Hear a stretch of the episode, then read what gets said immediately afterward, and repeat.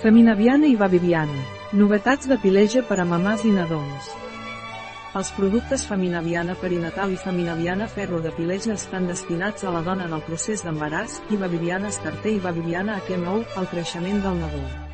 Tots ells comparteixen l'objectiu d'optimitzar la situació micronutricional i els microbiotes. El laboratori Pileja ha llançat quatre nous productes per ajudar les dones embarassades i els nadons durant els primers mil dies de vida. Feminaviana perinatal és un complement alimentari a base d'àcid gras omega-3 glucosaxanoid i del cert microbiòtic Lactobacillus rhamnosus L702, destinat a ajudar les dones a partir del tercer trimestre d'embaràs fins al final de la lactància. Feminaviana i hierro també és un complement alimentari que aporta ferro, que contribueix a la normal formació de glòbuls vermells i d'hemoglobina i a reduir la fatiga, i coure, que ajuda al normal transport del ferro al cos, tot sota la forma complexa guanyó hierro coure.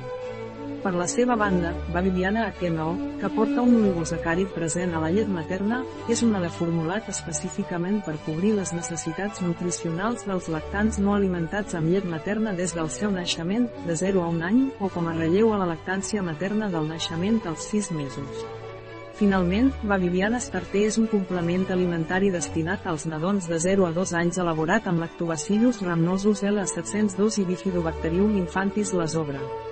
Igual que Babiviana Akemo, Babiviana Starter s'ha dissenyat segons els criteris de la carta QB, Each Quality for Baby, que garanteix productes de qualitat adaptats als lactants i als nens 704, dos ceps microbiòtics específicament seleccionats dosificats a 4.000 milions per petit. Un article de Catalina Vidal Ramírez, farmacèutica, gerent de Biofarma Est. La informació presentada en aquest article no substitueix de cap manera l'assessorament d'un metge, qualsevol menció en aquest article d'un producte no representa el suport dels objectius de desenvolupament sostenible a aquest producte.